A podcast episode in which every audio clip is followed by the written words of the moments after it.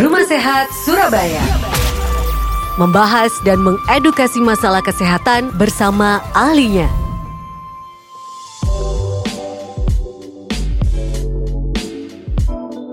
Anda FM Merguri, sahabat dan selamat pagi, sahabat pagi jelang siang. Seperti biasa di hari Rabu, sudah waktunya kita ngobrol di Rumah Sehat Surabaya, sahabat ya. Yang menghadirkan para ahlinya, para pakarnya untuk bisa memberikan kita edukasi dari narasumber yang terpercaya, sahabat ya. Seperti biasa, Selamat pagi, menjelang siang. Oh ya, apa kabar? Alhamdulillah sampai minggu ini ya. kita selalu sehat ya, bersyukur. Oke, okay. semua mudah-mudahan sahabat Merkuri juga sehat semuanya ya. Baik, uh, pagi hari ini, siang hari ini uh, kita agak sedikit uh, ndredek apa itu Karena bintang tamunya ini benar-benar ahli kecantikan dan cantik pula gitu. Jadi uh, kita untung pakai masker ya.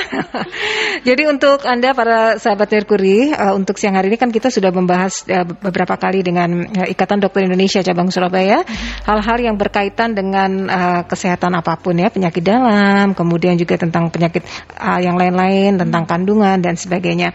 Nah hari ini khusus uh, kita akan berbicara tentang uh, berjemur di tengah pandemi COVID nih. Nah tapi tidak asal berjemur karena harus ada hal-hal yang diketahui begitu. Nah uh, untuk uh, hal itu yang tahu adalah para dokter spesialis kulit yang sudah hadir di studio Merkuri siang hari ini.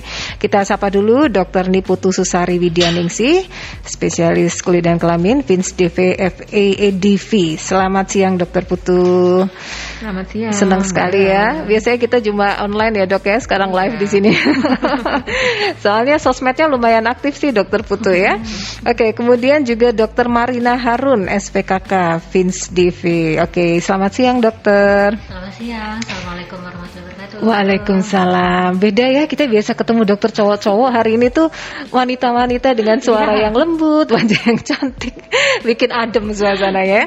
Baik dokter, ini uh, pasti sahabat Merkuri juga sudah menunggu karena kemarin sudah memenya udah di broadcast ya hmm, bahwa hari ya. ini kita khusus berbicara tentang berjemur di tengah pandemi. Kemarin-kemarin juga banyak yang nanya, cuman yang ditanya mungkin dokter spesialis penyakit dalam, hmm. dokter uh, yang lain gitu. Nah sekarang yang ahli kulit nih ya, pasti tuh pertanyaan pertanyaannya adalah seputar apa tuh biasanya nanti jam biasanya. Jamnya itu yang benar yang jam berapa ya? Berapa lama ya? iya. Tapi oke, okay, sebelum ke sana kita mau tanya dulu apa kabar nih ya? Karena sebagai dokter kayaknya mengalami Covid kan baru tahun ini nih. Apa yang terguncang dari dokter Halo, spesialis penyakit uh, apa kulit dan kelamin ini, dokter? Apakah ada perbedaan atau bagaimana ya yang bikin um, maksudnya mesti aware gitu untuk hari ini, dokter? Silakan ada uh, hal baru ya. Apa yang berdampak iya. misalnya? Ya. Kan mungkin nggak ketemu pas sama pasien COVID sih, tapi tetap mesti berhati-hati ya dok ya. Gimana gimana dok? Iya iya. Jadi saya dulu jawab ya. Iya silakan. Uh, memang selama pandemi COVID ini mm -hmm.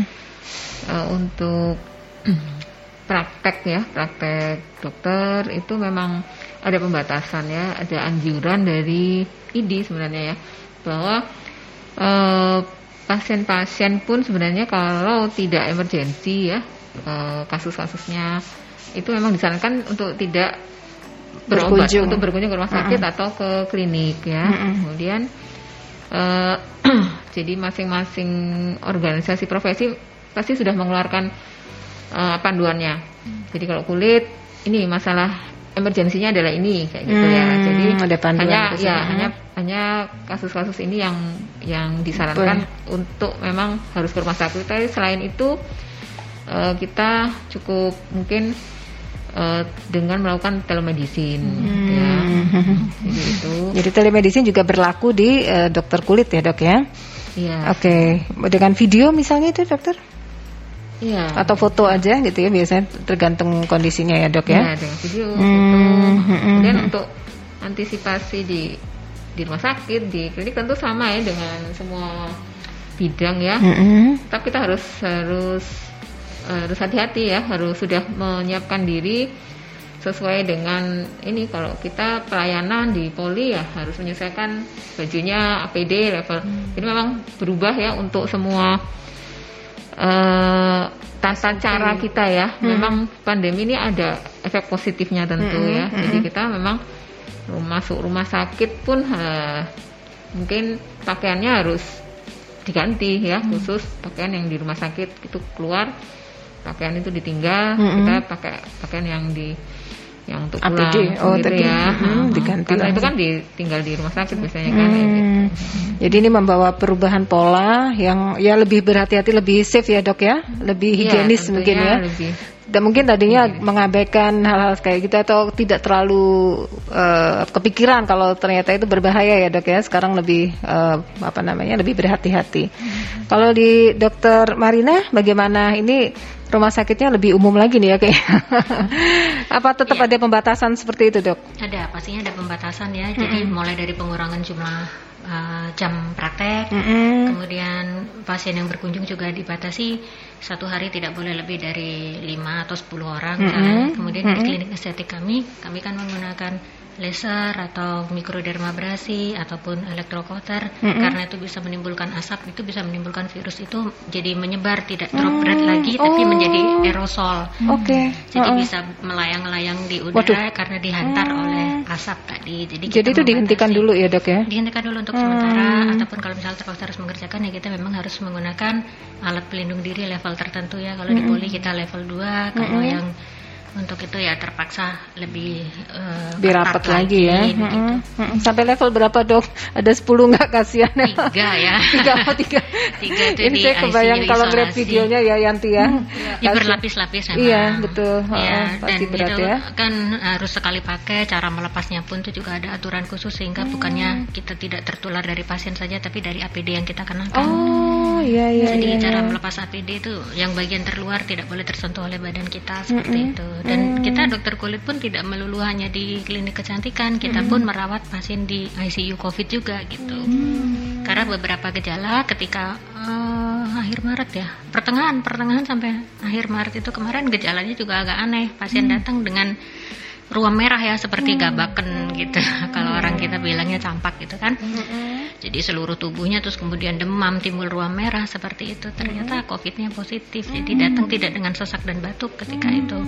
Jadi saya sempat merawat itu selama dua minggu di ruangan. Pasiennya muda dan sekarang alhamdulillah pasiennya udah sembuh. Aduh syukurlah dokter.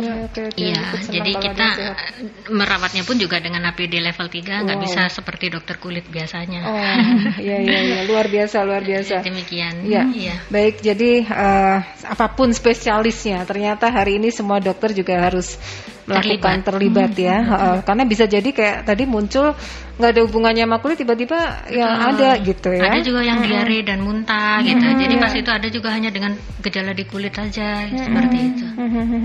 Baik. Nah, ini uh, kalau udah ngomongin yang gitu-gitu agak serem juga. Mungkin kita kembali lagi ke laptop kita ngomong soal kulit ya. Katanya nih, Dok, untuk uh, membuat uh, apa imun kita bagus. imun gitu. itu salah satu cara mungkin uh, dengan berjemur. Itu sebenarnya betul atau enggak baik ada covid atau tidak ada covid sebenarnya berjemur ini fungsinya apa sih dok gitu? Kenapa hmm. kita mesti melakukan penjemuran kulit ini? Mau Karena kalau sekarang hebohnya harus berjemur berjemur. Uh, padahal nggak tahu juga deh apakah pada saat covid aja ntar nggak covid nggak berjemur lagi apa ada pengaruhnya gitu dok? Monggo silakan. Iya iya. Jadi uh, kita harus tahu dulu tujuan berjemur ya mm -hmm. uh, uh, pertama-tama itu jadi uh, berjemur ini kan untuk mendapatkan uh, sinar UVB yang hmm. nantinya akan mengubah provitamin D juga jadi vitamin D3 itu yang berguna nanti vitamin D ini adalah untuk meningkatkan daya tahan tubuh kita hmm. nah daya tahan tubuh kita itu perlu untuk ya ini melawan berbagai penyakit ya bakteri virus salah satunya ya virusnya ya mungkin COVID kalau pada masa ini ya. Mm-hmm. Jadi sebenarnya ya bukan hanya pada masa pandemi aja mm-hmm. gitu ya. Mm-hmm. Mestinya ya itu rutin karena kan uh, tubuh juga perlu vitamin D ya. Kalau kekurangan pasti akan ada. Jadi itu tidak bisa diolah sendiri oleh tubuh gitu dok? Atau perlu bantuan iya, sinar ya, perlu bantuan dari matahari, uh, matahari untuk mm-hmm. mengubahnya, tapi juga bisa didapatkan dari uh, sumber makanan ya, mm-hmm. ataupun juga dari nanti uh, suplemen yang hmm. tentunya mengandung vitamin D. Hmm, gitu. gitu. Jadi ya. ini sebenarnya salah satu ya untuk meningkatkan daya tahan tubuh itu tadi untuk ya, secara alami ya memproduksi apa namanya mengaktifkan gitu ya vitamin D itu ya dok ya.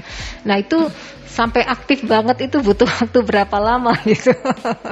Nanti kelamaan gosong gitu dok. Karena mungkin kan kalau kulit orang Indonesia ya beginilah gitu cakar kalau bule mah hobi banget gitu berjemur. Maksudnya uh, lebih lama nggak apa-apa. Kita ini sebentar aja udah gimana dok? Kebakar gosong. durasinya gimana? Durasi berjemurnya ini yang sehat yang menurut arahan dokter kesehatan apa? Kulit ini bagaimana? Hmm. gitu. Iya, uh, sempat ya kemarin memang ada di media sosial itu ada yang berjemur mengatakan antara tengah hari. Mm -mm, mm -mm.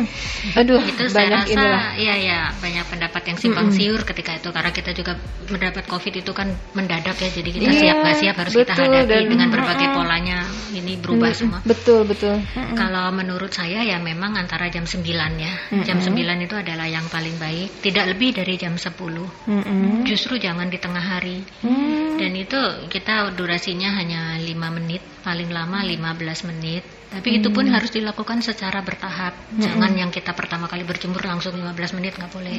Oh. Jadi dalam ya satu minggu itu dua sampai tiga kali saja berjemur. Hmm. Lalu kemudian intensitasnya yang ditambah, hmm. namun tidak lebih dari 15 menit. Hmm. Jadi pertama bisa 5 menit, hmm. lalu kemudian berangsur-angsur jadi menjadi lebih panjang. Lebih lama dikit, lebih lama. Ya, hmm. tapi jangan lebih dari 15 menit itu yang paling oh, bagus.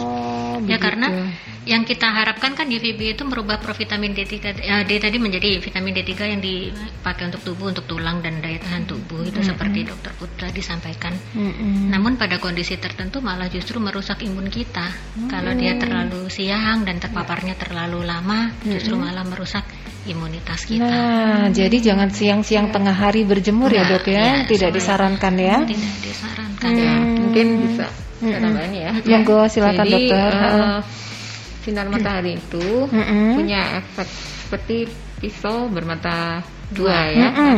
Jadi dia ada efek menguntungkan, mm -hmm. tapi ada efek merugikan, ada harmfulnya buat manusia mm. gitu ya. Yang menguntungkan tentunya ya itu tadi bisa uh, mengubah itu tadi, uh, membunuh bakteri juga. Mm. Ya meningkatkan uh, daya tahan tubuh tadi mm -hmm. dengan mengubah vitamin mm -hmm. tadi ya. Mm -hmm.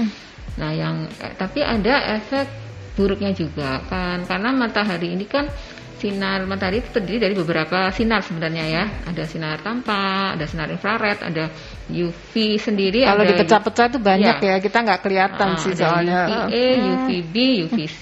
Hmm. Tapi yang sampai ke lapisan bumi hmm. itu UVA, UVB. Hmm. UVC enggak ya, karena ya. disaring di stratosfer. Kemudian hmm. UVB sendiri itu ternyata hanya 5% yang hmm. bisa masuk ke lapisan hmm. bumi.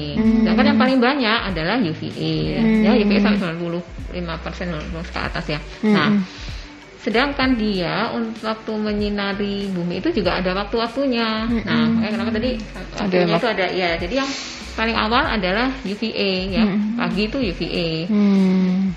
Nah, nanti UVB itu biasanya mulai dan kita lihat indeks indeks cahaya. Cahayanya, indeks hmm. matahari ya, itu uh, intensitasnya ya kekuatan tadi itu akan meningkat semakin lama semakin kuat ya. Nah, mm-hmm. kalau semakin kalau terlalu dini juga kurang ya karena UVA-nya terlalu banyak kan? Uh, ya UVB-nya juga kurang kurang mm-hmm. bisa mengubah itu tadi ya. Mm-hmm. Tapi kalau terlalu kurang, tinggi mm-hmm. nanti uh, jadi harmful bisa menyebabkan kalau jangka panjang UVB itu bisa menyebabkan kanker kulit Aduh. ya oh. karena dia uh, itu jangka panjang sudah penelitian ya. Nah, sedangkan yang UVA itu uh, sebenarnya dia lebih dalam ya penetrasi ke kulit, tapi efeknya ke kolagen itu bisa menyebabkan aging, skin aging. Jadi hmm. penuaan dini itu bisa UVA karena terpapar hmm. UVA yang oh, terlalu lama. Jadi hmm. oh, skin damage ya. Jadi paparan matahari itu bisa merusak sel-sel kulit ya, menyebabkan hmm. uh, timbulnya uh, apa nih radikal bebas. Hmm. Radikal bebas kalau terlalu banyak di tubuh itu dia akan menyebabkan kerusakan. Ya, tubuh tuh punya uh, antioksidan ya alami untuk menangkap radikal bebas. Tapi kalau kalau terlalu nggak seimbang, akhirnya nggak sanggup kerusakan. Gitu. Nah, hmm. itu jadi jadi itu tadi hmm, kenapa makanya ada waktu-waktu tertentu yang hmm, memang diperlukan. Jadi pertama hmm. UVA dulu, hmm. nah, UVB juga akan meningkat tapi jam 10 yang orang-orang kemarin banyak berjemur jam Iya. 12 setengah Iya, itu justru oh. intensitasnya tinggi banget gitu loh ya. Oh, 11 puncaknya di gitu. Bahaya ya dok ya. Iya. Oh, mm-mm. Jadi yang dicari biasanya intensitas 5 ya, 5 sampai 7 kalau nggak salah itu. Mm-mm. Antara benar yang dokter Marina bilang jam 9 sampai jam 10 9 itu. sampai jam 10, setengah 9 itu sudah bisa mulai lah Oke. ya, gitu ya, antara itu. Nah, Mm-mm. juga jangan lupa kota itu juga pengaruh, beda-beda ya. Ya. Sama Surabaya Oh sama iya ya. Palangkaraya. Yang jadi eh, daerah dingin juga beda. Gini kalau Surabaya kan terik banget ya. Ya, jadi mungkin kalau indeks eh, matahari tadi ya UV bisa dilihat di aplikasi itu di HP biasanya ada ya. Ada, Oh, ada jadi kalau itu. kira-kira aman nggak ya saya jam berapa ini gitu. Mm-mm. Boleh Mm. gitu. Oke, eh, nanti kita akan buka kesempatan juga dengan eh, sahabat ya. Silakan, mungkin ada yang bertanya dari pendengar ya dok ya. Di nomor berapa Yanti? Di WhatsApp di 08173096 atau di line telepon sahabat di 5620096 dan tentunya kita tetap akan ngobrol bersama dengan dua dokter cantik kita ya tentang kesehatan kulit di tengah pandemi ini sahabat. Jadi tetap stay tune di Rumah Sehat Surabaya karena kita akan ke jeda iklan terlebih dahulu sahabat. Rumah Sehat Surabaya akan kembali setelah yang satu ini.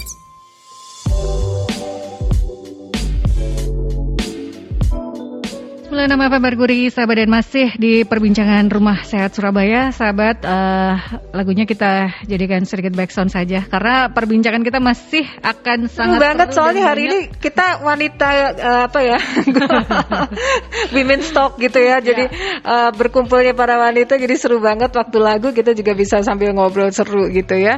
Oke dokter eh, ini kita mengingatkan kembali temanya adalah berjemur di tengah pandemi apa yang harus diketahui? Nah ini bersama dokter Niputu Susari Widyaningsi SPKK Fins DV FAADV dan juga dokter Marina Harun, SPKK Fins DV Eh, beliau-beliau ini ahli dalam spe- apa dalam eh, kesehatan kulit. Dan sehari ini kita pengen bertanya juga eh, apakah berjemur itu manfaatnya adalah untuk membunuh virus dok. Jadi karena kan anggapan masyarakat ini kalau berjemur ntar virusnya mati gitu. Karena konon kabarnya virus eh, COVID ini kalau kena panas dia nggak tahan lama gitu alias eh, bisa apa namanya nggak hidup gitu. Gimana dok? Sebenarnya tujuannya berjemur ini untuk membunuh virus tadi atau gimana sih sebenarnya dok? Monggo silakan. eh. Sebenarnya ya udah. Heeh. Jadi gini, iya image orang ketika itu saya juga ada ini ya kurang tepat misalnya. Jadi berjemur itu dia kira ketika virus itu sudah ada di dalam tubuhnya itu akan mati ketika dia berjemur. Berjemur, heeh. Lalu dia mengatakan bahwa oh virus ini akan mati, tidak mudah hidup dan dia akan mati jika terkena panas. Nah kita manusia itu kan sebagai hostnya, sebagai inang dari virus itu. Jadi kalau ketika masuk mau dijemur kayak apa ya memang nggak bisa dieliminasi lagi ketika virus itu sudah masuk dan bisa merusak berbagai organ itu. Nah yang kita maksudkan untuk berjemur di sini adalah untuk membentuk imunitas kita. Nah, itu Jadi, yang betul ya, Dok, ya. Daya tahan tubuh kita diperkuat, kemudian Mm-mm. kita selain asupan ya seperti vitamin C, vitamin ya itu tadi vitamin D kita dapat dari matahari tadi. Mm-mm. Itu yang membuat virus itu tidak mudah eh, hidup di hostnya di inangnya itu adalah manusia kita. ini. Mm-mm, mm-mm, Jadi yang perlu diingat adalah bukan untuk membunuh virus yang sudah ada atau nempel di badan kita gitu. Hmm, iya, namanya juga orang awam dok. Jadi kan eh, berdasarkan perkiraan gitu kan. Ya, emangnya Oh, kasur mbak dijemur Makanya itu. Dikira- gitu nah, beda Oh, oh, beda ya. Jadi ini eh, perlu diingat ya untuk sahabat Merkuri. Diluruskan Diluruskan eh, bahwa informasi yang benar adalah berjemur ini untuk meningkatkan imunitas, bukan untuk dimaksudkan Hmm. membunuh virus. Tapi kalau imunitas bagus, virusnya mungkin lemah Betul, begitu, itu gitu ya. Oke, jadi jangan bayangkan tadi kata dokter jemur kasur gitu ya supaya tingginya mati. Baik, kemudian eh, yang harus dipersiapkan apa dok? Ini Ya, kan sebelum berjemur. tidak semua orang aware ya, mungkin pakai krim, lotion, SPF apa tuh sunblock gitu dok. Apakah itu juga harus dipakai atau uh, bagian mana yang dijemur ini? Apakah seluruh tubuh sehingga kita harus berguling-guling kayak di pantai begitu atau hanya bagian tubuh tertentu? Monggo silakan dokter. Ya area yang terbuka ya tangan, kaki itu bisa ya kalau mm -hmm. kita misalnya melakukan uh, berjemur seperti mm -hmm. itu. Tapi tetap bagian area wajah kita lindungi dengan dan mata ya terutama mata itu juga bisa rusak karena sinar matahari. Oh. Jadi ya jadi kita lindungi dengan sunglasses dengan kacamata yang hitam yang anti UVB. Jadi wajah tetap ini ya di apa dilindungi tetap ya dok ya? Dilindungi. Hmm. Lalu kemudian kita menggunakan topi sehingga tidak oh, ya sehingga iya, iya, tidak iya. terlalu terpapar hebat ya di area area wajah uh -uh. dan setengah jam sebelumnya kita menggunakan sunblock tuh di area wajah. Nah itu pakai sunblock itu apakah semua warga kita aware gitu tentang sunblock ya? itu yang uh, merek apa atau juga SPF apa itu pengaruh nggak sih sebenarnya dok? Apa yang harus yang bagus atau yang gimana dok? Sunblock ini sebenarnya fungsinya apa dok? Mungkin dokter butuh. Monggo ya? dokter butuh. Ya. Karena kan banyak produk di pasaran ya dok ya, kita nggak tahu. SPF 30. Nah SPF, SPF itu apa? Berapa? SPF 15. SPF. Makin tinggi makin mahal nih kayaknya nih. Oke, gimana dok? Apakah makin tinggi makin bagus dok? Ya siapa tahu begitu. Kita nggak tahu nih. Jadi sunblock itu kan fungsinya untuk melindungi kulit dari uh, sinar matahari ya paparan matahari. Uh, uh, SPF itu menunjukkan perlindungan dari UVB. Jadi berapa lama kulit kita akan menjadi kemerahan eritem eritem minimal dus minimal erythematous dus ya itu uh, kalau kita kulit terpapar matahari itu akan timbul kemerahan kan ya nah, itu berapa lama waktu yang ditimbulkan itu nah, sampai itu, merah itu uh, nah itu hmm. SPF itu di situ oh. fungsinya ya melindungi itu nah kalau uh, sunblock yang bagus tentunya yang uh, broad spectrum artinya dia bisa melindungi dari UVA, UVB hmm. ya uh, jadi biasanya ada SPF itu UVB PA plus plus hmm. berapa gitu ya yeah. itu biasanya terhadap UVA hmm. ya, jadi uh, tentunya pilih yang uh, cover itu tadi hmm. yang broad spectrum ya kemudian hmm. yang water resistant ya yang hmm. bagus ya tentunya hmm.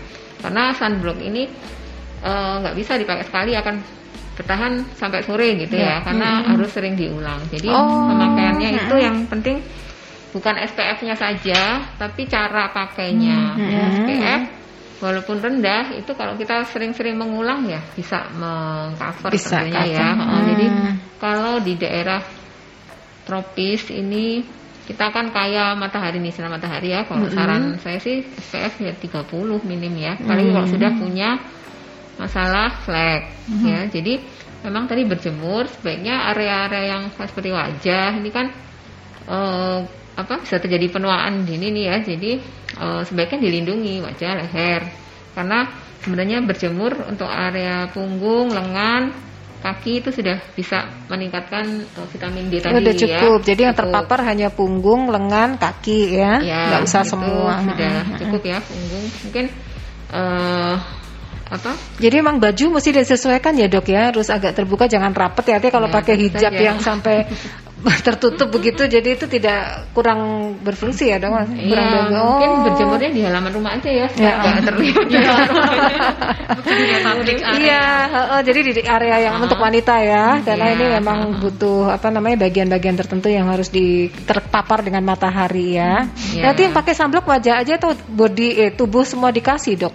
Tangan kaki perlu nggak sih sebenarnya? Kalau kita mau berenang gitu loh dok kan semuanya dioles gitu. Kalau tujuannya tadi berjemur untuk mendapatkan vitamin D, D tadi ya, ya tentunya yang area penting ini wajah ya wajah leher kalau oh. kan kita mau ya. yang dijemur yang lain nggak apa nggak usah ya, ya kan? Oh. Berjemurnya juga kan nggak lama-lama. Ya. mm -mm. Kalau berjemur juga harus diperhatikan tipe kulit ya. Oh. tipe kulit yang putih satu dua Uh-huh. Jemurnya memang nggak boleh lama-lama karena gampang oh, luka bakar. Luka bakar merah oh, ya, terbakar. Kita masuk apa ya? nah, terus uh, tipe 4 nah. biasanya, 4 uh-huh. 5 gitu ya, sawo matang ini. Itu ada di apa di sosial media bisa kita cari ya, Dok, tipe kulit itu ya. Tipe kulit Fitzpatrick namanya oh, ya. Oh, ada okay, skin okay. type Fitzpatrick uh-huh, itu Google. 1 sampai 6. Hmm. 6 yang kulit gelap sekali itu okay. ya. 6. Itu beda ya berarti. Beda karena beda. kan kalau kita melaninnya lebih banyak ya, hmm. jadi butuh waktu lebih lama untuk hmm. berjemur tentunya ya. oh. ya. Jadi oh. mungkin kita kulitnya nggak gampang terbakar, tapi gampang tanning, gampang gampang, gampang jadi gelap. Hmm. Jadi kalau kita, kita berjemurnya ya. oh. lama. intens Ya. nah pasti Oh. nanti ya gelap kulitnya pasti kan Kembalinya lama, kembali menjadi Oh, Menjadi putihnya lama. Iya, putihnya lama. Iya, tapi itu resiko ya. Maksudnya memang eh, ada ada sedikit pasti agak berkurang ya. Maksudnya lebih gelap ya dok ya kalau kita berjemur ini ya. Iya, tapi berjemur tuh nggak tiap hari ya kata dokter ya. Gimana dok? seminggu. dua kali atau seminggu tiga kali. Nah gitu, gitu jadi nggak perlu tiap hari apa namanya sampai meng, apa namanya terus-terusan gitu ya dok ya. Oke. Jadi secukupnya sebenarnya tidak usah Iya ya, iya ya. Tapi orang berpikirnya itu tadi dok kita meluruskan yang tadi yang eh, bahwa ya berjemur itu bukan seperti jemur kasur yang berapa lama untuk membunuh jamur, tapi untuk kita mendapatkan vitamin D itu untuk meningkatkan imun. Nah ini ada eh, Oh, ada beberapa yang masuk ya, pertanyaan silakan. yang sudah masuk melalui WhatsApp. Ada Bu Wina. Dok, beberapa waktu lalu itu ada penelitian di Perancis. Katanya salah satu gejala COVID-19 itu muncul ruam merah atau keunguan di kulit. Bener nggak sih dok? Kemudian dari Pak Adi, dok vitamin D yang murah bisa kita dapatkan dari sinar matahari. Sering dengernya itu seperti itu. Nah, kalau dari konsumsi pada makanan vitamin D bisa kita dapatkan dari apa saja ya dok? Kemudian Bu Niken, berapa lama eh, durasi waktu berjemur yang benar dan dianjurkan? Dan sebaiknya dilakukan jam berapa di manakah lokasi yang tepat untuk berjemur ini? Lokasi ya. Lokasi, ya, harus di pantai Di tengah lap- atau di tengah lapangan. Monggo silakan satu persatu ya dok ya. Dari yang awal dulu silakan. Yang penelitian di ruam Ruang. ruam merah Oh, tadi. Iya, kebetulan memang saya alami sendiri pada pasien saya ketika itu laki-laki eh, sudah menikah berusia 26 tahun. Yang kita dapatkan adalah dia eh, demam, kemudian ruam berwarna merah di kulit seperti campak. Lalu hasil rapid testnya dia masih negatif, lalu ke- kemudian melihat klinisnya waktu itu dari paru-parunya ternyata dia menderita pneumonia namun belum diketahui pneumonia apakah karena bakteri atau virus. Kalau dilihat dari lokasi pneumoninya sepertinya uh, viral pneumonia lalu kemudian kita konfirmasi lagi. Jadi kita tidak gegabah konfirmasi dengan melakukan tes PCR polygen reaction pakai swab. Swab dari tenggorokan dan dari hidung ternyata positif jadi tanpa gejala batuk batuknya memang kering dan jarang-jarang Ya. sehari itu bukan batuk terus menerus pada hari ya nggak berhenti enggak. gitu enggak? jadi malam hari ketika dia mau tidur pagi-pagi seperti itu dan tidak ada dahak kemudian dia merasakan gatalnya itu bukan di tenggorokan tapi di dada katanya gitu Ce- Sesaknya juga nggak terlalu sesak karena kondisinya juga masih baik. Memang pasien ini tidak sampai masuk ke ICU ya. Jadi memang kita rawat. Datangnya tidak dengan sesak, tidak dengan batuk, tapi ruam merah di kulit dan demam begitu. Berarti ini memang benar-benar salah satu gejalanya bisa dikatakan gitu ya dok ruang merah ruam merah sekarang itu ya. Ya, Karena- 28 Maret itu kita baca ya dari satu jurnal. Ternyata saya dapat pasien itu tanggal 30 kalau nggak salah. Oh, berarti memang Dua hari setelah saya baca jurnal yang dipublish. ya jadi eh, mungkin ber- bersamaan saya ya memang munculnya itu udah momen Eh, yang sama. Eh, eh, jadi perlu di Buktinya ada memang. diperhatikan juga bahwa virus COVID-19 ini eh, manifestasinya bukan hanya di pernafasan aja ya. Kan sebenarnya dua ya, pernafasan sama saluran cerna ya, Ya. bisa Ya. batuk pilek gitu ya. dan diare. Ya. Nah, tapi sekarang juga ditemukan manifestasi-manifestasi lain antara lain di kulit. Jadi kalau kulit tadi salah satunya ruam merah bisa atau kadang ada yang seperti cacar air, Ya. Bentol-bentol berisi air. Penting-penting berisi air ya atau ya itu di kayak apa Tiduran. tiduran juga bisa ya Nah, jadi ada beberapa macam manifestasi seperti itu. jadi memang harus orangnya aware ya. Nah, kayak gitu. Jadi eh, kalau sudah ada merah itu harus eh, Kontrol ya dok ya disampaikan ya. telemedicine atau ke vaskes gitu ya dok supaya dicek Itu pakai tes apa dok untuk tahu tetap eh, apa? PCR, PCR ya. ya. Hmm, hmm, hmm. Jadi kalau dicurigai memang itu gejala eh, COVID ya mesti dites PCR ya dok ya. Ya dengan manifestasi yang lain ya, tidak dengan kulit aja kebetulan. Tapi ada demam ya dok, biasanya ada demam. Karena Ah. virus kan cirinya demam. Kalau tanpa demam mungkin aman Iya. ya dok ya. Ya, Oh, ya, saya ingat. Maksudnya bukan COVID gitu maksudnya. Iya baik. Ini Pertanyaan berikutnya dek. dari Pak Adi vitamin D yang murah yang eh, biasa kita Ini informasinya yang telan dari itu maksudnya oral. eh, enggak vitamin vitamin D yang murah menurut Oh. Pak Adi Iya, banyak yang bilang itu adalah dari sinar matahari. Tapi Oh. kalau dari konsumsi makanan vitamin D itu dari apa saja sih dok gitu? Oh iya iya, iya. oke oke. Vitamin D. Maksudnya dapat Tadi dokter asupan dari uh, mana? Niputu tadi sempat mengatakan bahwa bisa juga didapatkan dari konsumsi, Konsumsi ya, Dok. makanan. Apa sih itu dok? Apa Apa saja? saja, gitu dok? Baik, jadi vitamin D itu memang yang murah ya dari matahari tadi ya. Iya, ya Mm. Tahu nggak usah beli ini sinar matahari banyak ya, apalagi di Iya, Indonesia, Indonesia, di full pokoknya deh. Tapi Mm. ternyata tidak semua orang bisa eh, berjemur tadi. Mungkin ya ada waktu-waktunya. Terus kemudian juga nggak punya waktu. Kemudian banyak banyak berada di dalam ruangan tertutup ya tentunya. Jadi akhirnya kurang ini kena mataharinya.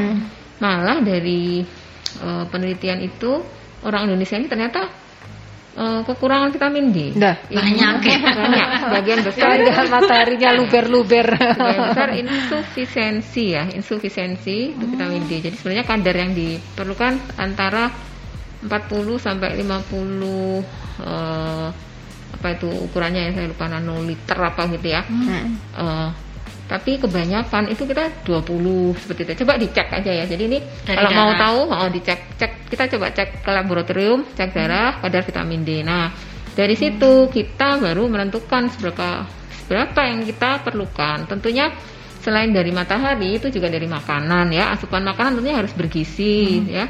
Bisa dari telur, susu, keju keju, mungkin juga ikan laut ya, sayur-sayuran juga. Jadi sayuran yang berwarna hijau tua banyak eh, dari makanan itu ya. Nah, kalau masih kurang, nah itu baru kita dari eh, vitamin D yang bentuk tablet tentunya ya. Nah, itu kita harus tahu berapa yang akan Ada ukurannya ya, kita yang dikurang, Hmm, iya yang ada akan dosisnya ya. dikejar ya. Hmm. Jadi kan kalau eh, biasanya yang dianjurkan antara 1000 sampai 5000 gitu ya. Internasional unit. Tapi tidak hari. langsung tiba-tiba kita mengkonsumsi yang tablet itu ya dok ya. Jadi ada tahapannya dulu dari konsumsi makanan dulu. Kalau kurang baru dipenuhi oleh vitamin. Kalau ujuk-ujuk minum vitamin D-nya gitu nggak apa-apa juga kan dok? Atau nggak boleh? Gimana? Iya, mungkin sebaiknya eh, cek dulu ya. Oh, oke. Cek dulu aja ya. Untuk tahu kebutuhannya seberapa Ya, gitu ya dok ya. Sarannya sih itu, tapi memang Mm-mm. eh, boleh mengkonsumsi langsung mungkin eh, seribu yang dosisnya kecil dulu. Tapi kalau memang mau yakin, apalagi eh, kalau kita ini memang Jarang aktivitas, beraktivitas. aktivitasnya pernah banyak, gerak.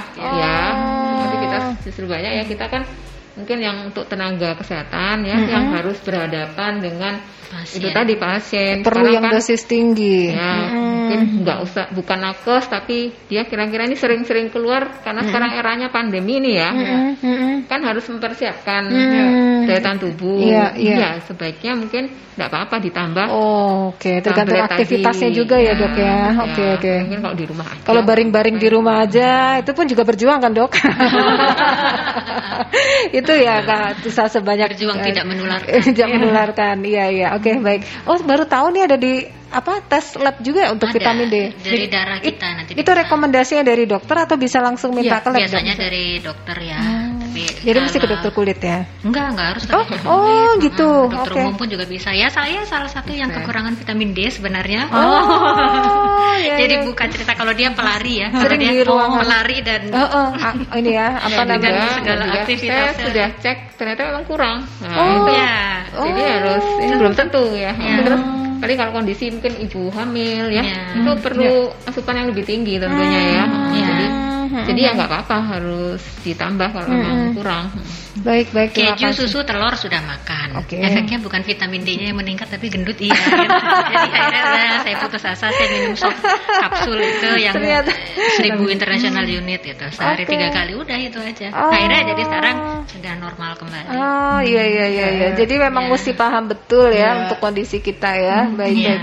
Ya, Kemudian, saya belum pernah eh, tes itu tuh. Oke, ada Ini lagi? Bu Niken sebenarnya sudah eh, terjawab ya, tapi mungkin bisa diulang berapa Diulang. lama durasi waktu berjemur yang dianjurkan, kemudian sebaiknya dilakukan jam berapa, di mana lokasi yang tepat Mungkin untuk ini berjemur. sekalian juga merangkum pembicaraan karena mungkin udah jam 12 ya. Oke, bisa disampaikan kembali Dok. Mungkin ada yang baru gabung mendengarkan uh, ngobrol-ngobrol kita siang ini. Yang terbaik tips untuk berjemur, di era pandemi Covid ini jam berapa dan uh, apa tadi uh, persiapannya dan Berapa- sebagainya, berapa lama? durasinya? Ya, Jadi kalau anjuran ya ini kita dari perhimpunan kita ya perhimpunan dokter spesialis kulit dan kelamin ya, Perdoski itu untuk berjemur uh, sebaiknya pukul 9 sampai 10 ya antara 9 dan 10 pagi.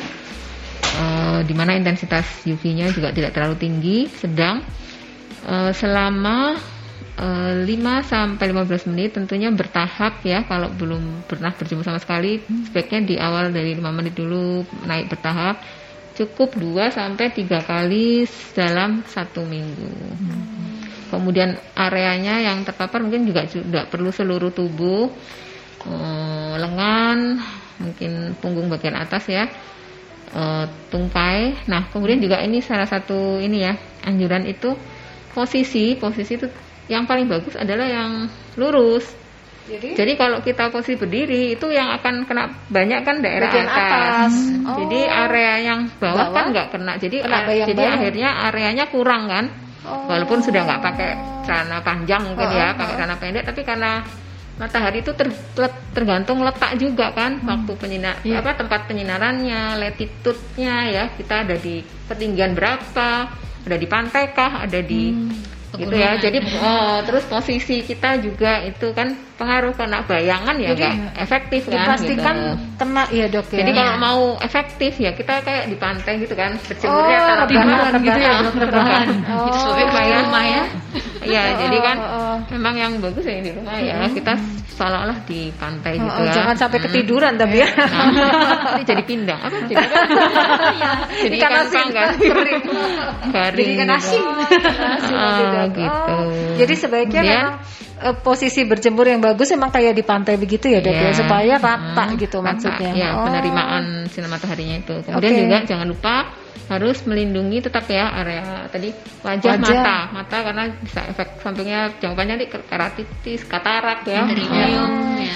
Jadi badannya sehat, matanya sakit juga jangan ya, lah ya. Kulit okay. juga kan harus kulit. dijaga uh -huh. dari aging dari apa keganasan juga jadi uh -huh. digunakan sunblock. Uh -huh 15 eh, sampai 30 menit sebelum berjemur ya harus sudah hmm. dioles kemudian hmm. pakai kacamata, uh, kacamata hitam. Uh, topi lebar lah ya hmm. baru kita Mm -mm. Payung nggak disarankan ya kalau payung menutup semuanya. kalau payung topi bisa ya dah? Kan ada payung topi gitu ya. Uh, ya boleh, boleh. Aja, diizinkan. ada lagi pertanyaan? Udah, kita Atau, akan ke jeda iklan sebelum okay. nanti. Saya juga pengen tanya apakah beda uh, berjemur untuk anak-anak yang yeah. muda atau orang-orang yang sudah berusia lanjut ya? Hmm, tapi kita ke jeda ya, iklan terlebih dahulu sahabat. Atau stay di Rumah Sehat Surabaya. Rumah Sehat Surabaya menghadirkan ahlinya untuk mengedukasi masalah kesehatan.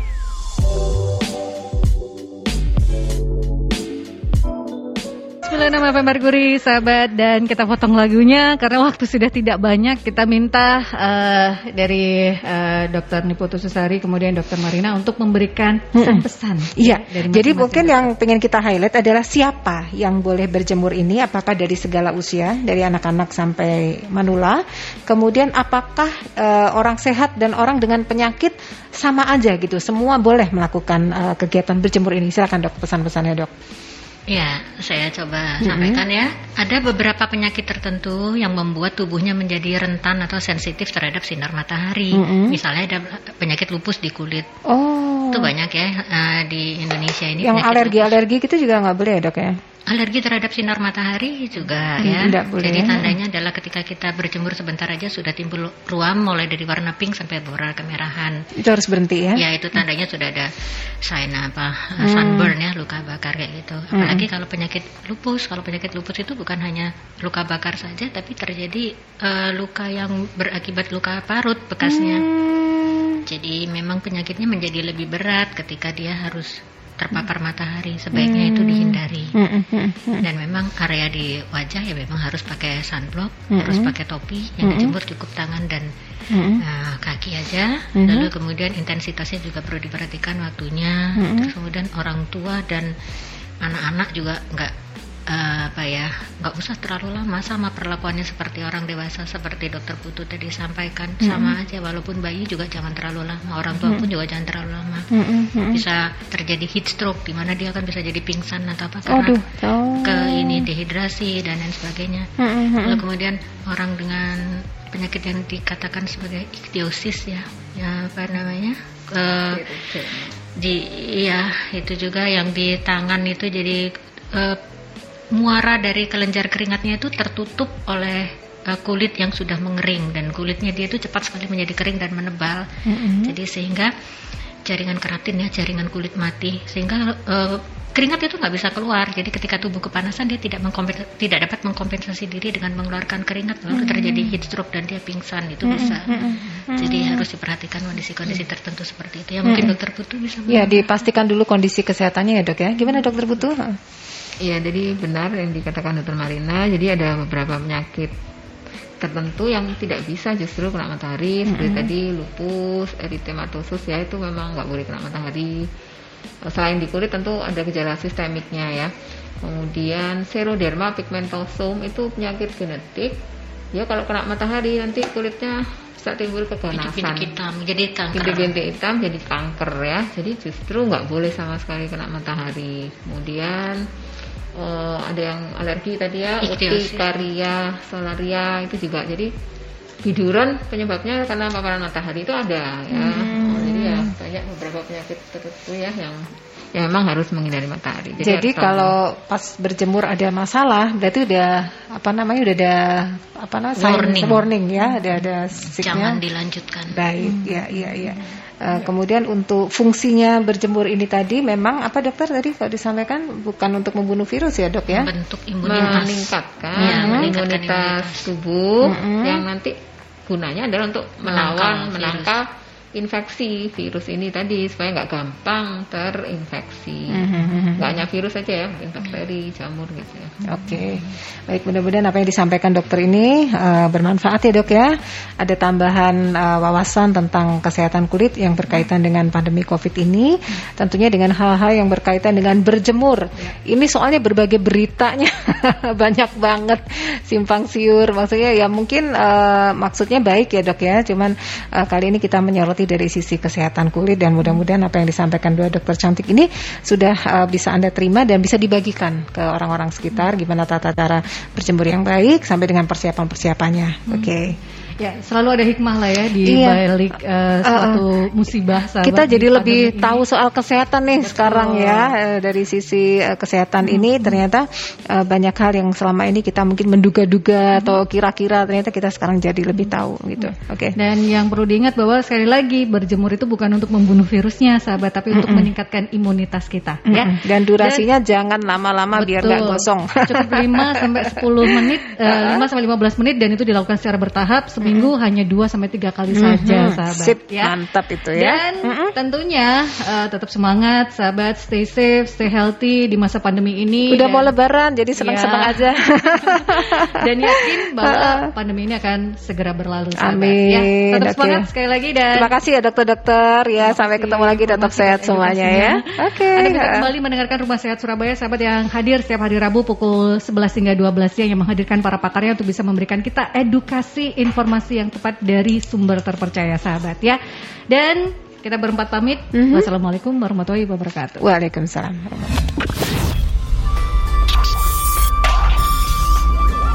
Terima kasih sudah mengikuti Rumah Sehat Surabaya.